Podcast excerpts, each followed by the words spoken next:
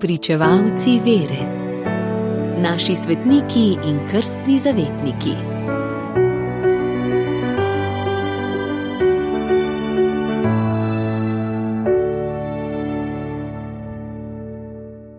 Danes zgoduje sveti Edvard, angliški kralj iz 11. stoletja.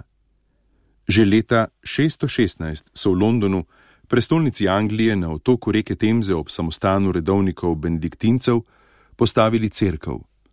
Današnji godovnjak, angliški kralj Edward III., se je zaobljubil, da bo romal v Rim, to da njegovi svetovalci so mu to obranili. Papež Leon IX. mu je svetoval naj del denarja, ki bi ga porabil za romanje v Rim, razdal ubogim, en del pa naj obrne za zidavo ali obnovo kakšne cerkve apostolu Petru na čast. Edward se je odločil, da obnovi Westminstersko cerkev. Zidali so jo 15 let v gotskem slogu in postala je angliško narodno svetišče.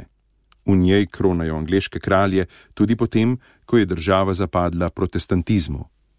Kralje kronajo s krono svetega Edvarda, kraljice pa s krono njegove deviške žene Edite. Med Edvardovimi krepostmi sta bili najbolj izraziti njegova ljudomilost in krotkost. Nikoli se ni maščeval za krivice, temveč je vse sproti odpuščal imel je velik dar čudežev. Omenimo le enega, ki je pogosto upodobljen na Edvardovih slikah. Nekoč je šel s spremstvom proti Westminsterski cerkvi.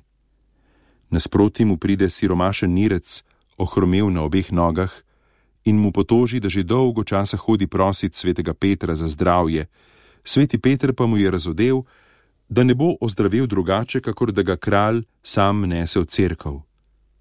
Kralj Edvard se je brez pomisleka sklonil, vzel hromega na rame in ga nesel v cerkev, kjer je bil leta ozdravljen. Svetemu kralju je Bog razodel tudi čas smrti. Začel se je pripravljati na njo in prosil, naj tudi duhovščina in ljudstvo molita za njegovo dušo.